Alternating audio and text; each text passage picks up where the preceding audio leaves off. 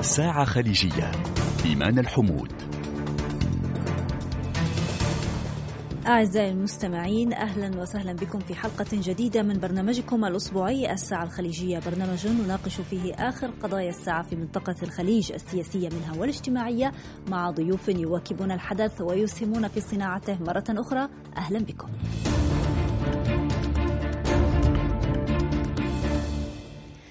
في الساعات الأولى من يوم السابع من أبريل نيسان الماضي شهد اليمن تغييرا سياسيا دراماتيكيا حيث أعفي الرئيس أو أعفى الرئيس عبد ربه منصور هادي نائبه علي محسن الأحمر وأعقب الخطوة نقل السلطة التي تولاها هادي على مدى العقد الماضي إلى مجلس رئاسي مؤلف من ثمانية أعضاء.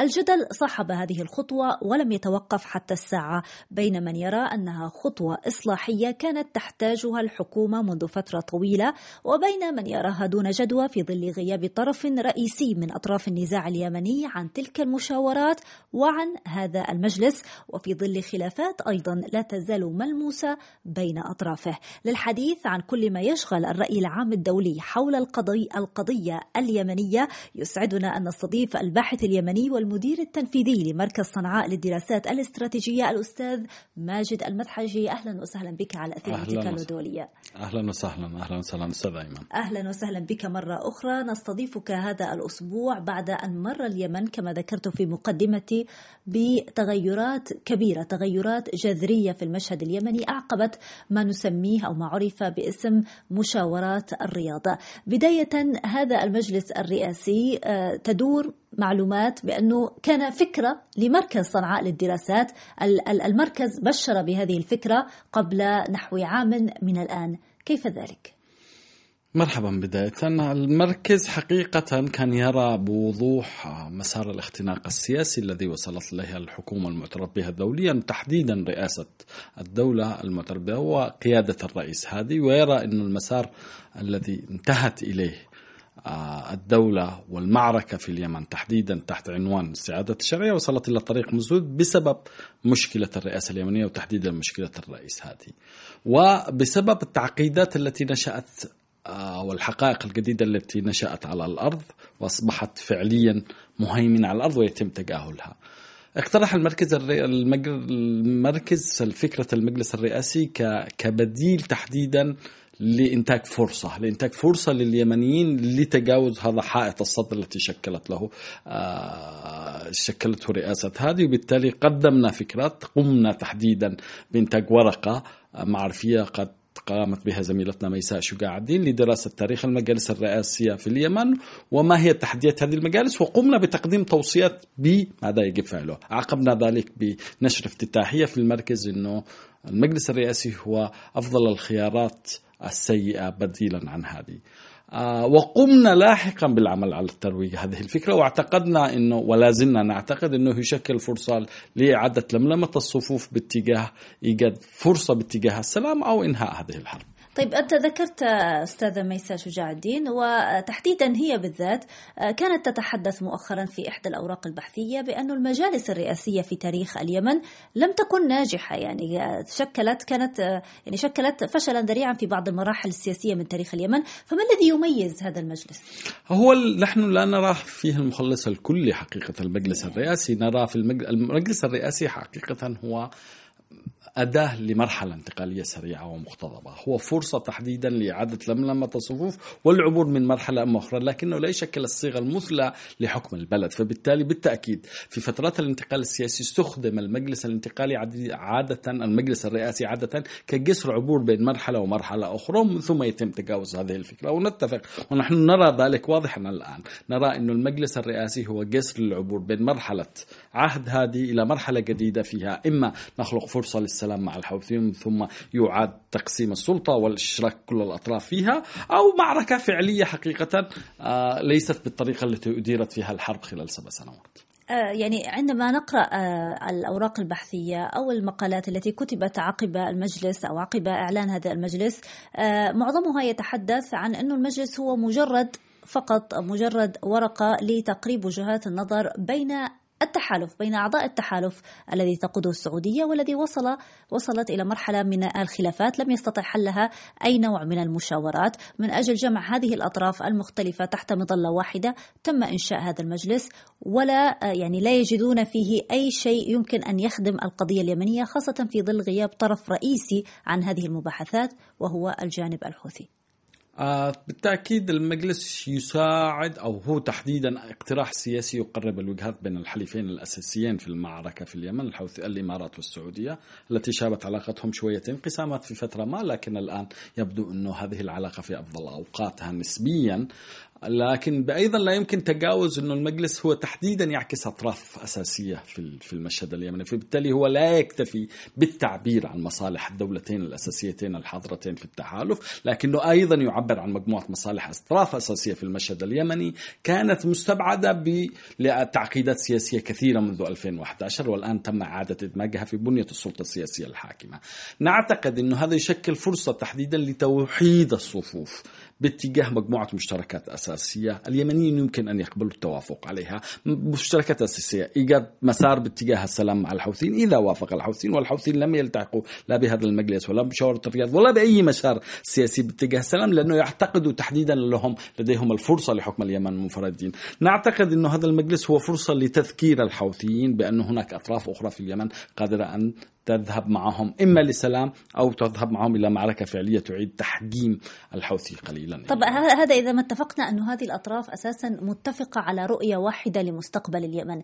يعني ما حدث عقب إعلان المجلس وأثار جدلا عندما آه، لم يذكر آه، أحد أعضاء المجلس وهو السيد عيدروس الزبيدي لم يذكر مسألة الوحدة اليمنية ضمن خطابه آه، خلال انضمامه إلى هذا المجلس. هذه هذه هذه الفقرة بالذات أثارت جدلا كبيرا بأنه شخص في مجلس رئاسي يمني آه، لازال متمسكا بوجهة نظر غالبية الجنوبيين رغبتهم في فك الارتباط وترجمها عبر تجاهل مسألة الوحدة خلال خطابه آه، في آه، في هذا المجلس يعني هنا سؤال يطرح عندما تبقى هناك خلافات من هذا النوع هي خلافات جذرية وليست خلافات عادية بين أعضاء مجلس رئاسي ما الذي يضمن نجاح هذه الفكرة؟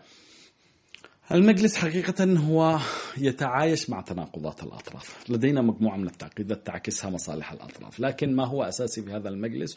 ربما ما هو أساسي في هذا المجلس هو أنه يجمع على قاعدة أهداف مشتركة لا تعني تنازل الأطراف عن هويتهم وما يريدوها. المجلس الانتقالي الجنوبي تحديدا كان واضح في مطالبه بأنه لن يتخلى لكنه قال بشكل واضح وهذا تقدم حقيقة بالنسبة لخطاب المجلس أنه سيؤجل النقاشات فيما يخص استقلال الجنوب إلى مرحلة لاحقة وتحديدا بين قوسين حتى تحرير صنعاء. فبالتالي لدينا اتفاق على تأجيل مسار الخلافات الرئيسية إلى حين الوصول إلى تسوية الملفات الأساسية العالقة وهي مسألة الحرب في اليمن. مسألة الحرب والوصول إلى صنعاء. تعني عسكريا أو تعني سياسيا. بالتالي لدينا خطوة إلى الأمام. من أطراف أساسية في هذا المجلس كانت ترفض تحديدا الاشتراك في أي مسار سياسي مقابل تأجيل هذا مطالب هذا الطابع الراديكالي إلى مرحلة لاحقة بالتالي المجلس فتح فرصة تحديدا لإيجاد تسوية لواحدة من أعقد مراحل اليمن.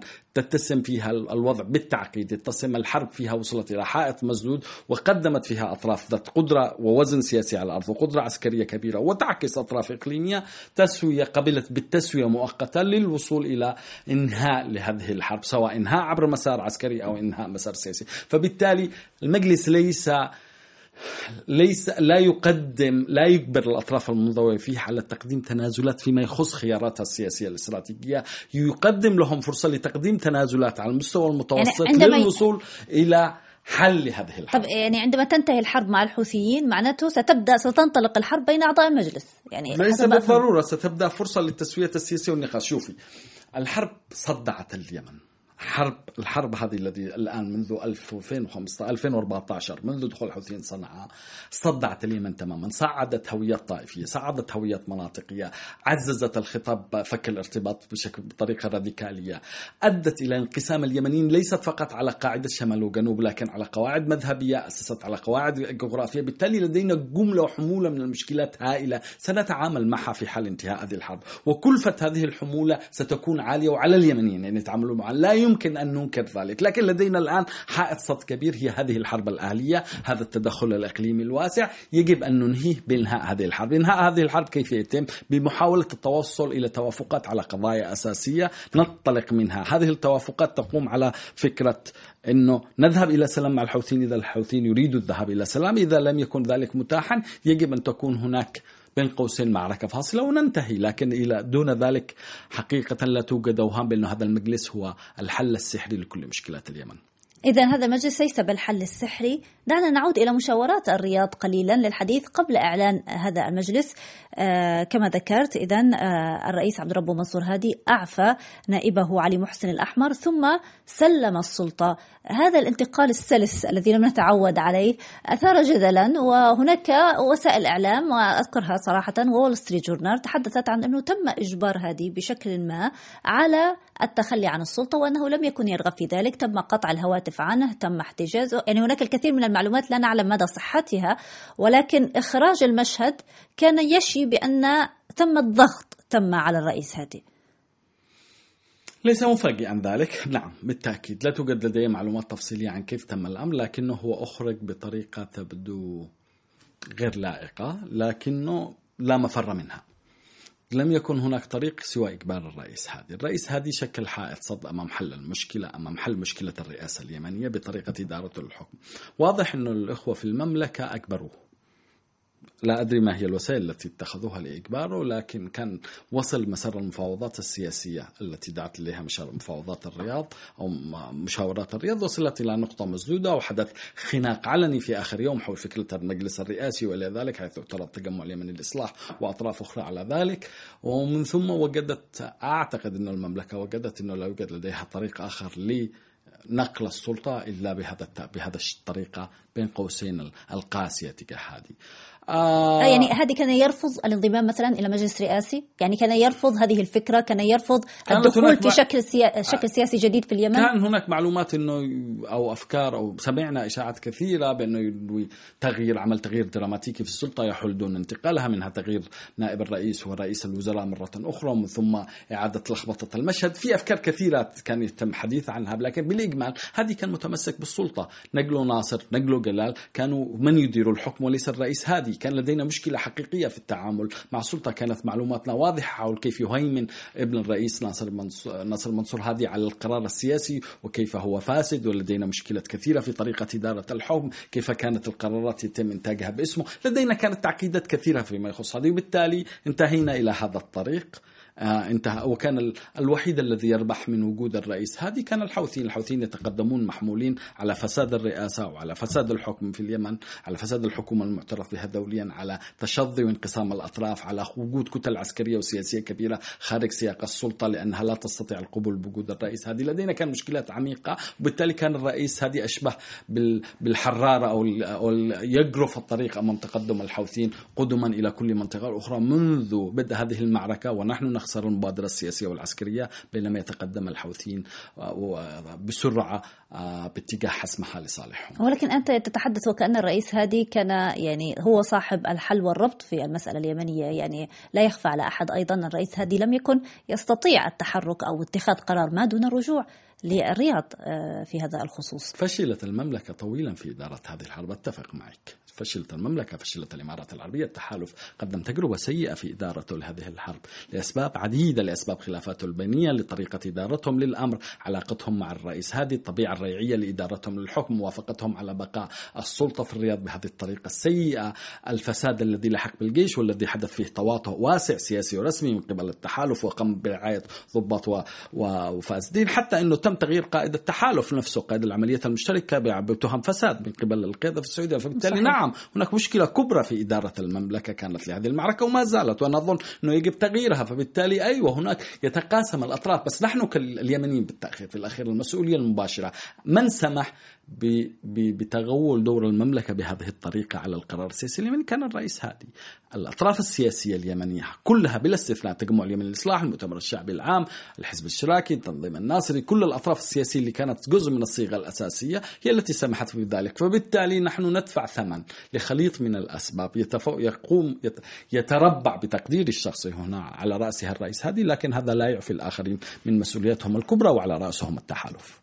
طيب شخصية أخرى مثيرة للجدل عندما تم إقالتها وأكثر ربما يعني أكثر أكثر آه، خطرا من الرئيس هادي أكثر جدلا من الرئيس هادي آه، آه، نائبه علي محسن الأحمر. يعني هذا الرجل ليس بالرجل العادي يعني يتحكم بخيوط كثيرة في اليمن.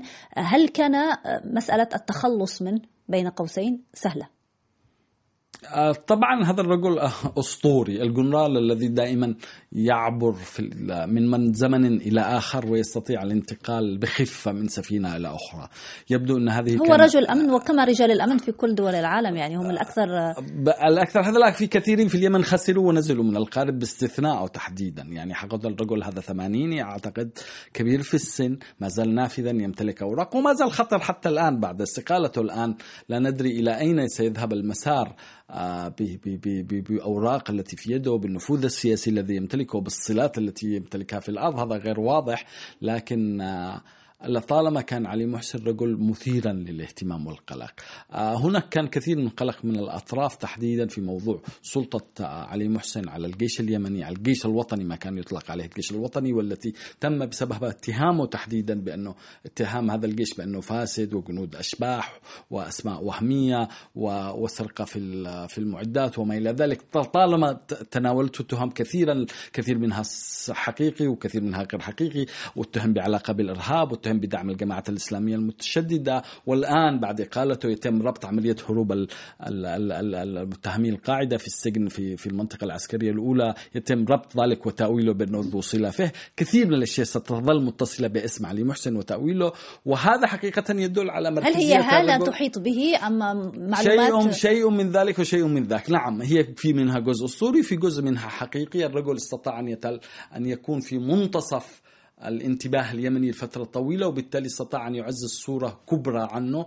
تعتمد بعضها على حقائق ممارسته الفعلية على الأرض ولكن جزء أيضا كبير منها يعتمد على الهالة التي استطاع تسويقها عن نفسه. طيب لماذا لم يتم استقطابه؟ يعني رجل بهذه الأهمية لديه كل هذه الخيوط داخل اليمن يعني سيكون مفتاح أحد المفاتيح الرئيسية لإيجاد تسوية سياسية. لماذا لم يتم استقطابه إلى هذا موجود المجلس؟ من سبع سنين على رأس السلطة في اليمن ولم يقم بشيء. هذا هي المشكلة. يعني هو الآن هو كان القائد الفعلي للجيش. الوطني بين قوسين في في المعارك ضد الحوثيين وفشل هذا الجيش حتى الآن في القيام بشيء حقيقة. منذ بدء المعركة وهو يتراجع وعلي محسن هو القائد الفعلي في هذا الجيش ليس وزير الدفاع ليس رئيس الأركان صاحب الحصة الأكبر من النفوذ كان علي محسن. ما الذي فعله؟ بالتالي هذا هو السؤال الذي جعل قيمة علي محسن تنخفض كل يوم وفي يوم لأنه الأداء الذي عبر عن عبر به علي محسن عن نفسه كان سيئا في إدارة هذا الجيش. أليس ربما لأنه مقرب من جماعة الإخوان المسلمين التي حاولت السعودية التعامل معها في اليمن تحديدا وليس في مناطق أخرى فيما رفضت الإمارات قطعيا التعامل مع هذه الجماعة في اليمن على الرغم من أنها في اليمن يعني تملك مفاتيح أمور كثيرة جماعة الإخوان المسلمين. آه، الاخوان وعلي محسن أو التجمع اليمني للإصلاح وعلي محسن حلفاء حقيقيين وحقيقيين على الأرض وكانوا يمتلكوا الكثير من الأوراق. آه، كثير من أوراق أو مفاتيح القوه لكنهم لم يقوموا بتفعيلها بطريقة إيجابية. نظر تحديدا إلى عهد هادي بأنه عهد تسلط هادي وعلي محسن والإصلاح. حقا أو باطلا كان لكن هذا ما نظر إليه من عموم اليمنيين. وفعلا كانت هناك هيمنة حقيقية للتجمع اليمني الاصلاح في كثير من مفاتيح الدولة بشكل غير معلن في الطبقة الثانية من القرارات. في كل موقع تنفيذي في مناطق الحكومة المعترف فيها دوليا كنا نجد الإصلاح ورجاله ومفاتيح نفوذه كنا نجد رجال علي محسن ومفاتيح نفوذه وبالتالي يتحملوهم تبعا لحقائق نفوذهم. على تتحمل جزء من المسؤولية الكبرى حول ما حدث لهذا. الإمارات دخلت باشتباك معهم وهي معلنة ذلك. حقيقة من البداية لم تكن تخفيه وهذا واحدة من الانقسامات اللي أدت إلى عطالة في اليمن لكنها ليس السبب. الوحيد السبب الحقيقي أنا بتقديري هي مشكلة كيف أديرت البلد من مثلث الإصلاح وهادي وعلي محسن بالطريقة السيئة التي انتهت التي فيها انتهت البلد إلى ما هي عليه الآن. طيب بس عندما نستثني الحوثيين من هذه المشاورات ومن المجلس وعندما نستثني جماعة الإخوان المسلمين يعني أنت تعرف بأن هاتان الجماعتان ربما تكونان الأكثر تأثيرا في الداخل اليمني يعني. الإصلاح موجود في المعادلة موجود لم يخرج منها لا زال موجود فيها الإخوان المسلمين ولكن ليس بطرفه الأقوى. هو كان الطرف الأقوى لفترة طويلة الآن حجم بالتأكيد حكم وبالتالي أعتقد أنه يجب أن يكون هناك مساحة للأطراف الأخرى كي يختبر دورها في هذه المعركة. على مدى السبع سنوات كان الإصلاح الطرف الأساسي في معادلة السلطة والحرب في اليمن في مواجهة الحوثيين وفشل في ذلك. لن نرى ماذا سيفعل الآخرين. فيما يخص الحوثيين الحوثيين يعتقدون أنه آه، الطريق معبد أمامهم لحكم اليمن. لذلك هم لا يستجيبوا لأي مسار للدعوة السياسية للسلام. الفرصة الحسم العسكري ما زالوا يرونها. سانحة الآن في إطار التحقيق في إطار الهدنة الحالية يقوموا بحشد بحشد المقاتلين وتجهيز أنفسهم لمعركة كبرى أخرى حول المعرب الذي يعتقدون أنها مفتاح للسيطرة والتوسع في اليمن. مشكلتنا مع الحوثيين معقدة وبمستوى آخر هي خليط من شيئين خليط من أوهام آه، هذه الجماعة بأنها تمتلك حق تاريخي وديني في حكم اليمنيين فكرة السلالة النبوية وحقها الإلهي في الحكم والفكرة الهاشمية التقليدية وبالتالي استعادة الإمامة التاريخية في اليمن بس بنسخة معاصرة قريبة من النسخة الإيرانية الولي الفقيه وما إلى ذلك وفكرة العلم كما يروج لعبد الملك الحوثي بأنه السيد العلم. وخليط آخر بأنها والفكرة الأخرى هي الطريق العسكري الوحيد الذي الذي خبرته الجماعة للتعريف عن نفسها هو الطريق العسكري هو الطريق الوحيد الذي خبرته للتعريف عن نفسها. ولذلك هي تجد نفسها غريبة في عالم السياسة ومطمئنة في عالم الحرب والقتال. وهذا هو السياق الذي اختارته الجماعة منذ تأسيسها منذ 2002 وحتى الآن. تنمو وتتعزز قوتها وحضورها في اليمن عبر المعركة والسلاح لا أكثر ولا أقل. نعم لحظات فقط ونعود إليكم. ساعة خليجية. نعود إليكم وإلى الساعة الخليجية. معنا الباحث اليمني والمدير التنفيذي لمركز صنعاء للدراسات الاستراتيجية ماجد المدحجي. نرحب بك مرة أخرى أستاذ ماجد. أهلا وسهلا. في إحدى الأوراق البحثية التي قرأتها واطلعت عليها خلال متابعتي لإنتاج المركز كنتم تتحدثون عن دور القبيلة اليمنية وأهمية هذا الدور في العملية السياسية والأهم هو كيف تم تجاهل القبيلة اليمنية في هذه الحرب وفي أي تسوية سياسية تتعلق بها. يعني آه، بداية لماذا تم هذا التجاهل؟ هل هو يعني نحن في جزيرة عربية تعتمد أساسا على المكون القبلي. فلماذا؟ كيف يمكن تبرير مثل هذا التجاهل؟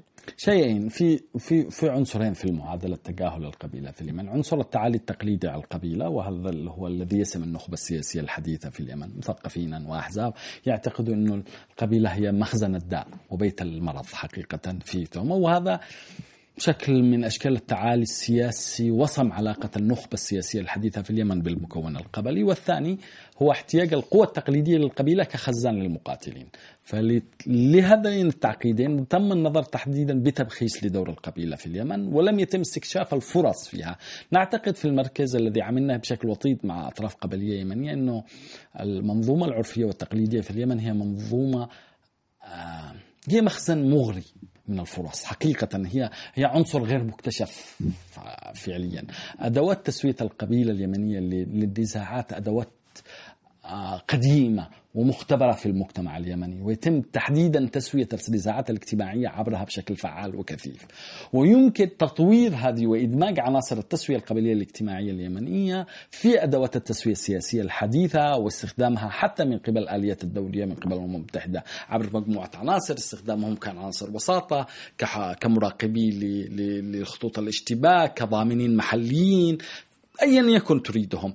بالإضافة تحديدا إذا استطعت أن تقوم بتحييد رموز القبيلة ومشايخ القبيلة المؤثرين وتحييد قبائلهم من أن تكون مخازن للمقاتلين ستمنع وجود وقود في آلة الحرب الدوارة في اليمن والتي تعتمد بشكل كبير على أفراد اليمن على المواطنين اليمنيين وأفراد القبائل اليمنية الذين يعتاشون من هذه الحرب أو يعتاش جزء كبير من مشايخهم على الحرب. إذا استطعنا انتزاع القبيلة من معادلة الصراع وإعادة توظيفها في معادلة السلام سنكون خطينا خطوة كبيرة لليمن. واستغلينا عنصر مهدر في المعادلة اليمنية. استغلينا عنصر مهدر. ما الذي خسرته إذن؟ ما الذي خسرته أطراف التحالف عندما أهملت موضوع القبيلة في اليمن؟ استخدمت التحالف استخدم الحوثيين القبيلة كمخزن للسلاح. كمخزن للمقاتلين. لم يستخدموهم كعنصر للسلام. لم يستخدموهم في التسوية بين في المعركة. لم يستخدموهم كوسطاء. لم يستخدموهم كمراقبين في الميدان. هذه هي المشكلة. الحوثي لا يريد النظر لا يريد أن يسمع شيء عن السلام وأن يكون مشايخ القبائل مشاركين في أي ورشة أو في مؤتمر أو نقاش حول السلام. هذا يخالف فكرته الكلية أن القبائل هي هم جنوده. الذي يستخدمه في المعركة في الجهة الأخرى الحكومة كذلك والتحالف السعودية تعتقد أن القبائل وتوزيع حقائب المال عليهم الوسيلة المثلى لجرهم للمعركة والقتال نيابة عن الحكومة أو نيابة عن المملكة. فبالتالي وهم قابلين بهذا الدور يعني لا يوجد أي انتفاضة من قبل القبائل يعني عدم استغلالهم الفقر يا سيدتي الفقر الكثير من الناس الفقر أو الحاجة أو التوظيف كثير منهم يذهبون لأنه لا يمتلكوا موارد أخرى للقتال للحياة. يذهب نعم. يمتلك. قدر من المال ولا الرصاص ولا الالتزام تجاه أسرته مقابل مشاركة الفرد في المعركة فبالتالي يذهب الناس إلى المعارك. هذه هذه مهنة يعني معناته أنه هو يعتبر بأنه بإمكانه الحياة يعني عبر الموت. عبر الموت. يعني هذا بإمكان يعني. استمرار الحرب يمكن أن تستمر الحرب لأكثر من ذلك لأن هناك من يعتاش منها الحرب مولدة لفرص حياة. فيك بالنسبة للكثيرين في كثيرين لا يجدوا عمل سوى في الحرب. في نقل السلاح في بيعه في المشاركة في المعارك. الحرب تخلق اقتصادها الخاص تخلق دورة حياتها. تصوري أنها دورة حياة كاملة تتغذى على الموت. أليس غريبا أن اليمن بالذات يعني قبل هذه الحرب كان يعيش أيضا على الصراعات وكانت تتنفس. تجارة الحرب تجارة الموت هي تجارة نشطة. بالتأكيد شوفي هو هذه واحدة من مشكلة اليمن اللي هو ضعف الدولة المركزية وسماح وجود هذه الدورات الصراع العنيفة في من سواء في الأطراف أو في المناطق البعيدة أو في المناطق القبلية أو بسبب الجماعة المتطرفة طالما اليمن شهدت نشاطا دائما للموت أو الصراعات في جانبها لكن لم تشهد اليمن معركة بهذه الطريقة في تاريخها السياسي في تاريخها الحديث على الأقل. نحن الآن ندخل في العام السابع بواحدة من أكثر الحروب ضراوة في تاريخ اليمن. شملت مناطق واسعة من اليمن تضرر منها اليمنيين بطريقة غير مسبوقة. حتى حرب الأهلية اليمنية التي كانت بين الجمهوريين والملكيين في الستينات والسبعينات كانت محصورة في مناطق محددة أكثر ضررها أقل الناس يعيشون بسلام أكثر. هذه هذه حرب أسوأ ما فيها أنها قسمت اليمنيين في العمق. ناهيك عن مخاطرها عن تداعياتها الاقتصادية والعسكرية والأمنية وما إلى ذلك. نعم إذا آه، هذه الحرب تجاهلت القبيلة ولكن هناك عنصر آخر لم يتجاهل القبيلة بل حاول الدخول في عمقها حاول استغلال آه، نقاط الضعف التي تركتها أو نقاط الفراغ التي تركتها أطراف أخرى وهي التنظيمات المتطرفة. نذكر هنا على سبيل المثال تنظيم القاعدة الذي آه، حاول ولا أدري إذا كان قد نجح بالفعل في استغلال مكامن القوة لدى القبيلة اليمنية واستطاع أن يجد له مكانا داخل القبائل في اليمن. هو تنظيم القاعدة حاول الاندماج في في النظام القبلي اليمني لكنه لم ينجح حقيقة كليا. لم ينجح. هو استطاع أن يعيش على هامش الحواضر القبلية ويستقطب عناصر قبلية لكنه لم يبني تحالفات كبرى إذا صح تم توفير حواضن له فيه. تم توفير هذا شوفي هو شيء دقيق يصعب وصفه لكنه تم توفير حواضن لأبناء القبائل اللي هم ضمن التنظيم. يعني كل قبيلة لا تنكر أبنائها. إذا حتى لو كانوا قاعدة تستعيد إصدار لكنها لا تستقبل القاعدة. في فيما في الحوادث التقليدية التي حدثت في اليمن القاعدة كانت تنمو أو تعيش تحديدا في حدود في الحدود القبلية بين القبائل. كانت لها معسكرات في بعض المناطق في المناطق النائية في الجبال. صحيح أنها أرضت بعض قبائل لكنها ليست ضمن نفوذ القبائل. القبائل لا تحمي القاعدة تحمي أفرادها. إذا كانوا جزء من القاعدة. يعني وهذا يحدث هنا يحدث بعض ليس هي لا تحمي كل التنظيم. و و و يكفي أن تحمي بعض أفراده وت... وتسلمهم تسلم بعضهم يعني نقل المعلومات لبعض أفراد التنظيم يعتبر حماية للتنظيم طبعا أيضا. الموضوع معقد و... وكبير بس في الأخير أنا بتقديري شيئين ساعدوا القاعدة على على أنها تستثمر هذه الهوامش. أولا هوية طائفية للمعركة. الحوثي في لما اندفع مع نهاية 2014 باتجاه المناطق بين قوسين السنية والشافعية في اليمن. أثار هذا قلق كثير من القبائل. والذي ذهبت إلى التحالف وكان حينها لا يوجد أي طرف يواجه الحوثيين فدخلت في تحالفات إذا صح الوصف انفض الحصار الاجتماعي الذي كان المفروض على القاعدة بسبب المخاوف من الحوثيين واستطاعت القاعدة أن تتحالف هنا وهناك والجماعات المتطرفة كلها أن تتحالف هنا وهناك مع بعض القبائل ومع بعض التجمعات القبلية لمواجهة الحوثيين. فبالتالي العنوان الطائفي للمعركة أد بسبب الاندفاع الحوثي. كان عنصر ملهم بيني وبينك لشق الطريق أمام تحالفات استطاعت القاعدة الاستفادة منها. لكن أظن أنا أنه الآن المشهد تغير. القاعدة لم تعد تجد قبولا بالمعنى عادت غريبة في أطراف القبائل أكثر من كونها حليفة لهم. طيب آه، سؤال أيضا يطرح نفسه لماذا لم يجد تنظيم الدولة الإسلامية آه، مكانا له في اليمن خاصة بعدما تم آه، طرده من أماكن أخرى كالرقة في شمال سوريا وكالعراق؟ وكان اليمن مؤهل فعلا لأن يكون ملاذا لعناصر تنظيم الدولة الإسلامية. لكن في النهاية بعد كل هذه السنوات لم نشاهد هذا النشاط للتنظيم في ربما يعني لا أدري إذا كانت لديك معلومات أنا لم لم اتابع لم أشاهد أي نشاط لتنظيم الدولة الإسلامية داخل اليمن. موجود. ما الذي؟ موجود لكن بشكل محدود كما أشرتي هو فك. آه هذه مشكلته. القاعدة في اليمن براغماتية للغاية. هي النسخة الأكثر براغماتية للقاعدة الرغم أنها كونها الأكبر. استطاعت أن تتفهم السياقات الاجتماعية اليمنية أن تتفهم اعتداد القبائل بنفسها ورغبتها بالاستقلال ونزعتها الذاتية العالية.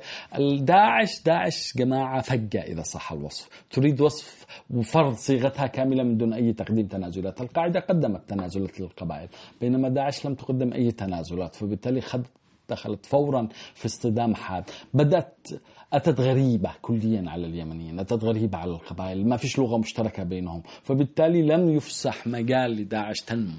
ظل وحدثت مواجهات محدودة واختطفوا أبناء قبائل. ثانيا بدأ إنه داعش هي كتلة من الغرباء. معظم الذين كانوا من داعش ومنتسبين لداعش كانوا أجانب أو من جنسيات غير عربية. وبدأ هذا خلق فجوة بشكل ما بين داعش والمجتمع أكثر من القاعدة التي استطاعت أن تسترضي القبائل في المناطق الموجودة فيها أو على الأقل تسايرها بطريقة أكثر لباقة مما فعلت يعني أفهم منك أنه داعش موجودة في اليمن حتى محدودة الآن. محدودة بشكل كبير موجودة في مناطق في معسكرات لها كانت لكن تم طردها الآن لكنها موجودة موجودة بس بشكل محدود للغاية طيب عندما نأخذ آه، نظرة المجتمع الدولي للحل في اليمن تكلمنا عن أطراف التحالف وبالتأكيد أطراف التحالف لديها مصلحة في نهاية هذه الحرب لأنها في النهاية تريد أيضا أن تتخلص من هذه المشكلة. ولكن لماذا لا يبدو المجتمع الدولي متحمسا لإيجاد حل سياسي في اليمن؟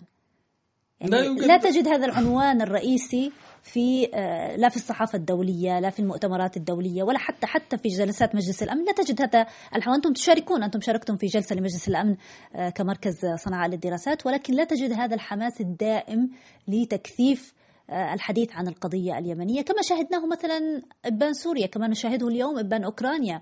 يعني لماذا لا يحظى اليمن بهذا الاهتمام؟ نحن بلد على الهامش في الأخير وعنوان تحديدا بلد على الهامش ولديكم يعني أمن البحر الأحمر كله موجود في اليمن يعني أمن عادة, عادة نحن بلد على الهامش يتم النظر إلى اليمن من زاوية أمنية تحديدا فقط. وليس من زاوية نحن لسنا مهمين كبشر بين قوسين اليمنيين لا يطرقون أبواب أوروبا اليمنيين اللاجئين اليمنيين لا يدقون أبواب باريس ولا لندن ولا بروكسل بالكثافة التي كان عليها السوريين لا نزعج واشنطن بالطريقة التي لا توجد ذئاب منفردة بين قوسين ذهبت كثيرا من اليمن إلى داخل باريس أو داخل نيويورك آه، آه، الضجيج اليمني هو ضجيج أمني وسياسي ناهيك عن أنه هناك الحائط الخليجي مشكلة بمعنى أنه نظر دائما اليمن عبر بوابة الرياض أكثر مما نظر إلى اليمن مباشرة. نظر إلى مصالح السعودية في حرب اليمن أكثر مما نظر اليمن. نظر إلى مصالح إيران في اليمن أكثر مما نظر إلى اليمن. نظر إلينا كمنطقة حرب أطراف لم ينظر إلى اليمن. على سبيل المثال الآن ينظر إلى التسوية بين السعودية والحوثيين من دون النظر إلى الانتهاك البالغ الذي شكلته الحرب على السياسة والمجتمع في اليمن. ما ينظرش إلى أن هناك أطراف سياسية يمنية يجب أن تكون ذات حضور هذا ما يفعله الجميع. اليمن عنصر مهمل في في في في المقاربة الدولية اليمنية لأسباب كثيرة لأسباب قديمة. وبالتالي ظل هذا هذا الغمط لحق اليمنيين في أن يكونوا ملف مطروح بهذه الطريقة. ثانيا اليمن عنصر دخل الآن كما ما أشرت لك هو عنصر في المعادلة الخلي في معادله على سبيل المثال الآن الذهاب إلى تسوية في الملف النووي الإيراني. يجد أحد مفاتيحه موجودة في مارب إذا انتصر الحوثيين في مارب بالتالي الحليف الإيراني البارز لهم إذا الحوثيين هم الحليف الإيراني. سيقوي أوراق إيران في المعادلة. أمريكا تهتم بملف مارب من هذه الزاوية أنه يؤثر على مسار مفاوضاتها السياسية نحن السعودية تقلق من مارب لأنه آه، هذا الملف إذا سقطت مارب ستمتد حضور الحوثيين على كل جنوب المملكة وبالتالي ازدياد نفوذ وكيل إيراني متقدم على جنوبها. لا ينظر إلى مصلحة اليمنيين وأولوياتهم في كل هذه النقاشات ينظر نعم. إلى مصلحة الاقليم واطرافه. طب أنت ذكرت وكيل إيراني أو وكيل وكلاء الإيرانيين، أنت تقصد حتما الحوثيين ولكن عندما نتابع الأخبار حول اليمن مؤخرا نجد بأن الحوثيين ليسوا بهذا التابع آه، للطرف الإيراني بهذا الشكل، يعني لا نجد انصياعا كما نلمسه مثلا لدى حزب الله في لبنان، يعني الكثير من المواقف تشير إلى أن إيران كانت تغني في وادي والحوثيون يطربون في واد آخر تماما. يعني لا يريدون أن يلتزموا لأن غير صحيح الحديث أنه إيران تتحكم بالحوثي بشكل كامل. هذا يعني صحيح. هي لا تتحكم بالحوثي بشكل كامل لكنها لكنه واحد من أهم حلفائها في المنطقة. حلفائها شيء ولكن لا تتحكم يعني عندما لا لا لا ليس الحوثي الحوثي ليس حزب الله. بالتأكيد. نعم. لكنه أيضا الحوثي ليس الطرف الكل يعني على سبيل المثال دعنا نقول لك في السنوات الأولى للحرب الحوثي كان يحتفظ بمسافة استقلالية كبيرة عن إيران لكنه الآن ليس كذلك. لديه لديه مصالح أكبر مع إيران ورغبة. إيران تمسك بمفاتيح قدرات الحوثيين العسكرية الاستراتيجية اللي هي الصواريخ والطائرات المسيرة. الخبراء التابعين لحزب الله والخبراء التابعين للحرس الثوري هم عنصر حاسم في عناصر القوة الحوثية. فبالتالي تمتلك إيران حصة كبرى من النفوذ على الحوثيين لا يستطيع الحوثيين أن يقاوم هذه الحصة. النفوذ لأنه إيران هي من تزوده بالمكونات هي من تزوده بالخبرات وهي من تتحكم بعناصر ذلك. فبالتالي نحن لا نتحدث عن وكيل مباشر كما هي شكل حزب الله لكن نتحدث عن أحد أهم الحلفاء الذين مصالحهم السياسية تتقرر جزء كبير منها في طهران نتيجة لأوراق النفوذ الإيرانية عليهم في صنعاء. نعم لحظات فقط ونعود إليكم. ساعة خليجية. إيمان الحمود. نعود إليكم وإلى الساعة الخليجية على أثير مونتي كارلو الدولية. ضيفنا دائما هو الباحث اليمني والمدير التنفيذي لمركز صنعاء للدراسات الاستراتيجية الأستاذ ماجد المذحجي الحديث معك ممتع أستاذ ماجد ولكن لدينا محاور أخرى يجب أن آه، نتحدث فيها. تحدثنا عن كل الأطراف التي تتعلق بالأزمة اليمنية ولكن هناك طرف آه، يثير آه، الكثير من من الجدل. كان يثير ولا زال يثير وهو طرف يحاول لعب دور الوساطة في هذه المسألة آه، سلطنة عمان مسقط الدولة التي لطالما آه، تم الحديث عن دورها المبهم. في اليمن. هل هو دور وساطة؟ هل هناك فعلا تواصل مع الحوثيين؟ آه، هناك يعني كانت تدور معلومات حول مسألة توريد السلاح للحوثيين عن طريق الحدود العمانية وهو ما نفاه أكثر من مسؤول عماني استضفته وأنا شخصيا هنا في البرنامج. يعني أنتم أيضا تطرقتم لها في ورقة بحثية عن ماذا تفعل سلطنة عمان في اليمن. آه نحن في المركز كنا نرى آه مسقط أحد البوابات الأساسية للسلام في اليمن وكتبنا ذلك في في ورقة في بداية زارتنا في المركز في آه في بداية الحرب في السنتين الاولتين تحدثنا عن الادوار الإقليمية ورأينا انه مسقط أحد بوابات الحل السياسي في اليمن. لكن ذلك تغير. نحن نعتقد إنه مسقط ليست فقط حاضن آه ليست آه ليست وسيط. آه، وفقط يستقبل آه، وفد الحوثيين لأسباب لوجستية لا الحوثي مسقط توفر آه، إطار سياسي ولوجستي داعم لجماعة الحوثيين. لا يتواجد في الحوث في مسقط فقط محمد عبد السلام وعبد الملك العقري. يتواجد جهاز لوجستي كامل للحوثيين. يقوم بتيسير عملياتهم السياسية ونموهم السياسي وتيسير عمليات عمليات أخرى. لا نستطيع إثباتها لكننا نعرف عنها وبالتالي هناك أحاديث عن وجود محطة أمنية كاملة للحوثيين لجهاز الاستخبارات والأمن أيضا لديهم في مسقط.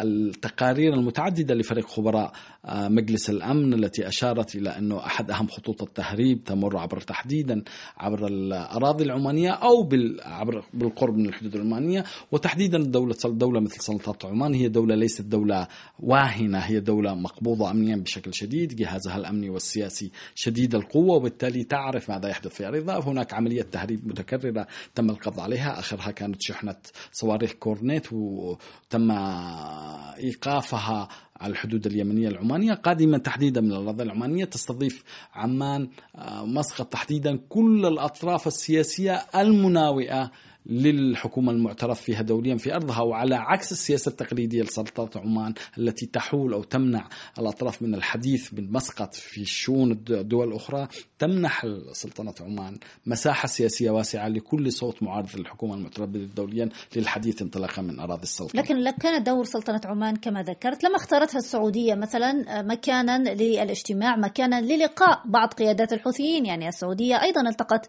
بعض قيادات الحوثيين وكان هناك نوع من التشاور في سلطنة عمان. يعني لو ما كانت سلطنة عمان توفر هذه البيئة ربما للجميع وليس فقط للحوثيين. يعني يعني أنتم ذكرتم في ورقة المركز بأن سلطنة عمان منعت علي سالم البيض في يوم ما من الحديث سياسيا لكن علي سالم البيض وضعه مختلف تماما. علي سالم البيض ترك السلطة واتجه إلى عمان وكان هو من يريد أن ينأى عن عن عن المشهد السياسي. لا لا هو حاول الحديث ومنع ومن ثم اضطر إلى الخروج.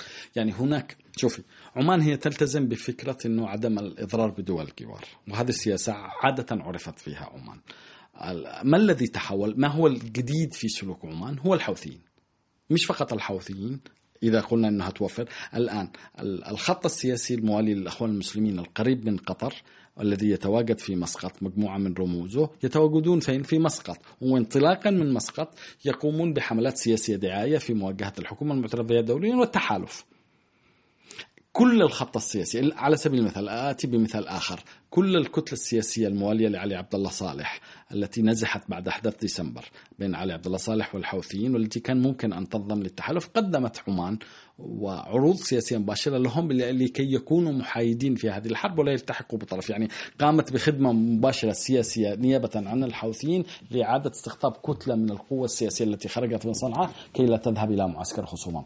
تقوم عمان بأدوار سياسية مباشرة داعمة لتعزيز السلطة سلطة الحوثيين في صنعاء.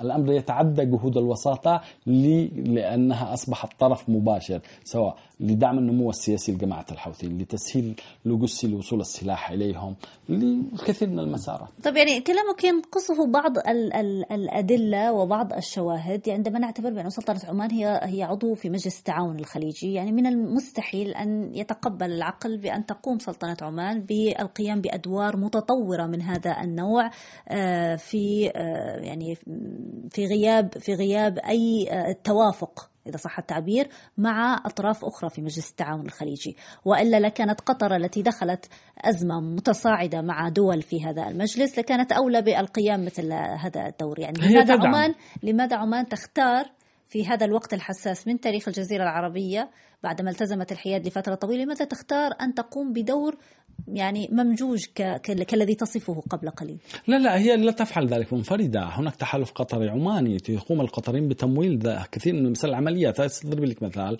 هناك عدد من القيادات العسكرية السياسية المقربة للأخوان المسلمين تحديدا الخط المناهض للحكومة المترفضة دوليا موجودين في مسقط وموجودين في صلالة. يتم تمويلهم تحديدا من القطريين هناك قنوات تحديدا آه، يمنية قريبة لقطر تحديدا يقيم قيادتها ورؤساء مجالس إدارتها في مسقط. هناك مجموع يعني أنا لا أقول الآن افتراضات. لديك كل الكتلة السياسية المناهضة للحكومة المعترف دوليا بها دوليا أين تقيم؟ تقيم يا إما في إسطنبول يا إما في مسقط. لا تقيم في مكان آخر. الحوثيين كل القيادات السياسية لهم في الخارج تحديدا ليست فقط القيادات السياسية وأيضا قيادات أمنية مختلفة متعددة وحتى جرحاهم وحتى كل القيادات تمر أين تقيم؟ تقيم في مسقط. آه، تقرير فريق العقوبات تحديدا خبراء يتحدث عن حوادث متعددة لتهريب السلاح قادمة من الأراضي العمانية أو تمر بجوارها. لديك الكثير من الشواهد عن الدور السياسي الآن على سبيل المثال المعسكر أو الأفراد أو الموالين لمسقط في تحديدا في سلطة في في محافظة المهرة والذين يتم المقربين جدا من الحوثيين منهم الشيخ علي سامي الحريزي والمعسكر التابع له والذي يتمول وينتظم تحديدا الحدود العمانية كله طبعا عمان تشعر بالقلق من الحرب على حدودها وأنا أفهم هذا الدور السياسي والعسكري. هي, هي هذا الدور ليس دور هو دور مفهوم في السياسة مش دور مبقوق لكن اليمنيين أنا أحد الأطراف الذي أشعر بالقلق لأنه تحول هذا الدور كان مناسب بالنسبة لي أن تبقى دولة مثل مصر وسلطنة عمان على الحياد لأن تكون طرف. لكن عمان حقا أو باطلا ترى بأن ما يحدث على حرب اليمن يؤثر على مصالحها وهي تقاربه بهذه الطريقة. يعني حرب على على حدودها بالقرب من المهرة يعني كان يجب أن تبقى السعودية بداية على على على الحياد مثلا في بداية الحرب اليمنية. لماذا تطالب السعودية بالتدخل أو لماذا طالبت الحكومة الشرعية السعودية بالتدخل؟ وليس من حق عمان التدخل بشكل ما أو بآخر ولم تتدخل بشكل عسكري ولكن بشكل سياسي حسب ما فهمت. لا لا نحن لا نرحب بتدخل أي طرف سيدتي. لا أرحب بتدخل السعودية ولا الإمارات ولا أحد. لا أحد يريد أحدا يتدخل في اليمن. يا أخي أنتم طلبتوا بالتدخل يعني. هذه مش أنا يعني مش أنت يعني لا لا المملكة دخلت اليمن بدعوة من الرئيس هادي ولا أدري إذا كانت هناك دعوة أساسا ولا لا لأنه كمان في رواية أخرى أنها الرئيس هادي أعلن بالمعركة لاحقا لكن اجمالا. في الأخير كل هذه الأدوار تنمو على حساب اليمنيين. دور المملكة دور الإمارات دور سلطنة عمان دور قطر هي أدوار تنمو على حساب اليمنيين. ما نقوم به نحن في المركز هو توصيف هذه الأدوار ونقدها. هذه مسؤوليتنا. كجهة يمنية ملتزمة بتقييم دور هذا الإقليم في بلادنا. فماذا تفعل عمان هي زي ما تفعله قطر زي ما تفعله آه، السعودية والإمارات دول أكثر حضورها أكثر مرئي مرئي لأنه لديهم أفراد وجيش ومسلحين وبالتالي يدعموا أطراف سياسية مرئية في اليمن. إيران مرئية بشكل أوضح وحزب الله. لكن الأدوار الناعمة الأخرى تحديدا لدولة قطر ودولة عمان وهذه أدوار لم تراقب كفاية وبرأينا يجب أن تكون مراقبة ومرئية ويسلط عليها ويناقش. هذا ما يجب يعني في الأخير كل من يمد يده في اليمن يجب أن يناقش دوره ويحمل المسؤولية. طب آه، عزيزي ماجد يعني لو انكفأت كل هذه الأطراف ولم تتدخل في المسألة اليمنية هل كانت المسألة كانت ستحل؟ ولو انسحبت الآن هذه الأطراف هل تتوقع بأن اليمنيين قادرين بأنفسهم على الخروج من هذا المأزق؟ دعنا نتكلم بصراحة يعني. السؤال معقد حقيقة والوضع معقد. شوفي آه، اليمن خربت الآن. خربت خربت خربت على راسنا جميعا. آه الآن آه كمية المال اللي تدخل اليمن والتي تشغل آلاف من المقاتلين مئات الآلاف من المقاتلين هي عصب أساسي للحياة. تخيلي أنت الآن تتقطع هذه الرواتب على مئات الآلاف. لديك مئات الآلاف من المقاتلين بدين المال ماذا سيفعلون؟ ستكون كارثة. أنا لا أعلم ما هي الحل بدون وجود حكومة قوية وبدون وجود بدائل مالية لا أحد يعلم. دعينا نقول أن الحكومة المعترفة الدولية سحب منها الدعم وانتصر الحوثيين. ماذا سيكون لدينا في اليمن إذا انتصر الحوثيين؟ نسخة آه، نسخة من إيران في جنوب الجزيرة العربية لديها نزعتها الراديكالية لسه أكثر كمان يعني إيران أكثر دبلوماسية من الحوثيين على فكرة.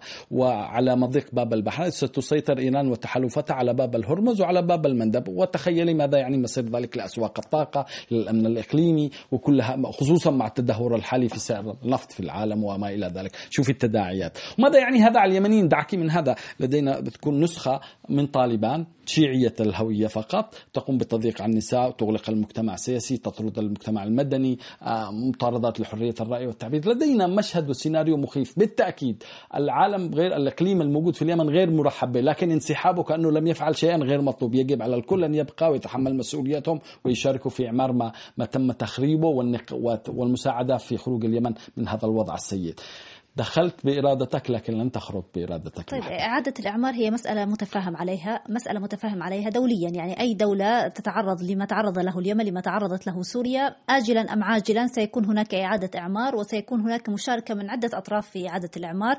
هذا مفروغ منه ولكن في النهاية هل يمكن إيجاد حل الآن بين اليمنيين أم أن الأقرب هو الذهاب إلى الاقتراح الذي كان موجودا قبل العام 2015 يعني كيف يمكن أن نحول اليمن إلى مجموعة من الفيدراليات التي آه، يعني تتحول إلى مجموعة من الدول أو الأقاليم؟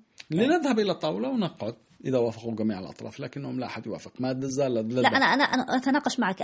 مسألة الأقاليم أليست شوفي في حقائق الآن على الأرض. الآن نمت نمت إحساس الأطراف بهويتها. إقليم الشرقي في اليمن مارب والجوف والبيضاء عندها إحساس بهوية أخرى.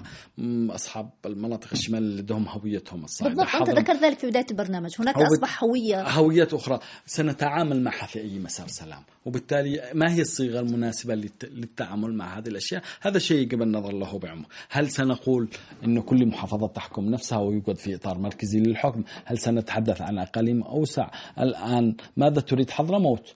هل حضرموت ستوافق على كون تكون جزء من الجنوب أو جزء من اليمن كله؟ ماذا تريد المهر الذي لا تريد أي هيمنه من حضرموت وعندها مشكلة تاريخية مع حضرموت أو لديها إحساس بالإقصاء من الحضارة؟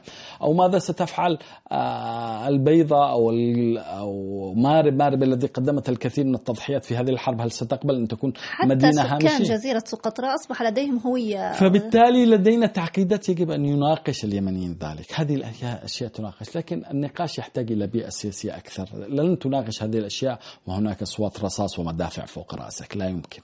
نعم. طيب أنتم في المركز في مركز صنعاء للدراسات بعد مشاورات الرياض بعد إعلان هذا المجلس الرئاسي على المدى القريب كيف تنظرون إلى السيناريوهات المرتقبة بعد إنشاء هذا المجلس أو بعد إعلان هذا المجلس؟ كل ما لاحظناه حتى الآن هي مجرد زيارات وتنقل تنقلات لرئيس المجلس من دولة إلى أخرى. ولكن كيف يعني تنظرون إلى برنامج سير هذا المجلس إلى برنامج الحل. أنتم في المركز لابد أنكم تستشرفون بعض السيناريوهات المتعلقة باليمن بعد هذا التغير الكبير الذي تحدثنا عنه. المجلس الرئاسي عليه شيئين الآن. هو تحديدا الحفاظ على الهدنة هذه القائمة. نعم. يجب الحفاظ على هذه الهدنة. يجب أولا أن يقوم الرئاسة إعادة بناء نفسها والأولوية قبل أي كل شيء يجب أن تذهب إلى الملف الاقتصادي. أوضاع الناس سيئة يجب الحفاظ على الوقف تدهور سعر العملة يجب إعادة استئناف دفع الرواتب لليمنيين كل اليمنيين وليس فقط. إلى مناطق التي غير خاضعة لسيطرة يجب أن يدفع الراتب. هذه مسؤولية من هو العالم معترف به. آه، اليمنيين لديهم قلق بأنه هذا المجلس يعكس أطراف القوة وأنه لا يوجد أحد يمثلهم في المجلس الرئاسي لا يوجد أحد. أقصد ليس يمتلك سلاحا. يجب واحد يمثل مصالح العموم لكن هذا المجلس مثل مصالح الأطراف القوية في الأرض. يعني ممثلين عن المدنيين يعني عن المدنيين. لا يعني لدينا نعم. هذا القلق حقيقة أنه لا يوجد ممثل. لا توجد امرأة يا سيدتي لا في مجلس رئاسي لا في حكومة. تخيلي أنه نصف اليمنيين من النساء لا يوجد أي امرأة. يعني هذه أحد المشهد الذي يقول لك أن لدينا كثير من المخاوف لكن إجمالا أولوية المجلس الرئاسي وتحديدا إعادة بناء مؤسسة الرئاسة بطريقة تجعلها منفتحة وأكثر حرفية. الحكومة تمارس دورها بشكل فعال. يجب أن يكون الملف الاقتصادي أولوية. يجب أن تستمر هذه الهدنة والذهاب والتحضير إلى مسار سياسي للسام لا أعتقد خليني أقول لك هذا ما يجب لكن ما أظن سيحدث لا أظن أن هذه الهدنة ستصمت حتى لو تم تمديدها. سنشهد معركة قاسية قريبا وبالتالي الوضع سيكون معقدا. المعركة الحرب عادة هي وسيلة للهرب من الالتزامات من كل الأطراف. هذا يعني بأننا سنعود إلى مربع الأول إذا ما إذا حدثت معركة سنعود إلى المربع الأول. ما الذي يعني ذلك؟ أنت يعني آه، تنفي أو أو أتمنى تفند كل ما ذكرناه طوال هذه الحلقة يعني. لا لا أنا أقول إنه إذا تهدم كل ما ناقشناه. لا ما لا أهدم. أنا أقول إنه إذا إذا إذا خسرت إذا وق... إذا هذه الهدنة توقفت سنشهد استئناف لهذه المعركة وهذا سيناريو قاسي. لأن ستكون هذه بين الحوثيين والمجلس أم داخل والح... المجلس؟ لا لا مش بين المجلس لا. مع الحوثيين. مع أطراف المجلس لديهم خلافات أكبر على الأرض من لا لا الآن الأولوية لا توجد خلافات معلنة فيما بينهم نعم. أنا تقديري ما هو بينهم سيتم تأجيله. وإذا هناك معركة تحديدا في مواجهة الحوثيين ستكفل انشغال أعضاء المجلس بهذه المعركة وستذوب أي خلافات. وإذا استطاعوا النجاح في الملف الاقتصادي سيذوب ذلك أي خلافات بينهم. هل هناك إذا بدأ أمل؟ إذا بدأ هناك إذا فشل المجلس في إدارة الملف الاقتصادي سنشهد تصاعد هل هناك بصيص أمل في نهاية نفق الحرب في اليمن؟ هل نشاهد الآن نهاية الحرب؟ بصيص أمل لنهاية الحرب أم لا؟ آه لدينا بصيص أمل بأن الدولة تكون أفضل الآن قياسا إلى أدائها في عهد هادي. نعم أستاذ ماجد المدحجي الباحث اليمني والمدير التنفيذي لمركز صنعاء للدراسات الاستراتيجية.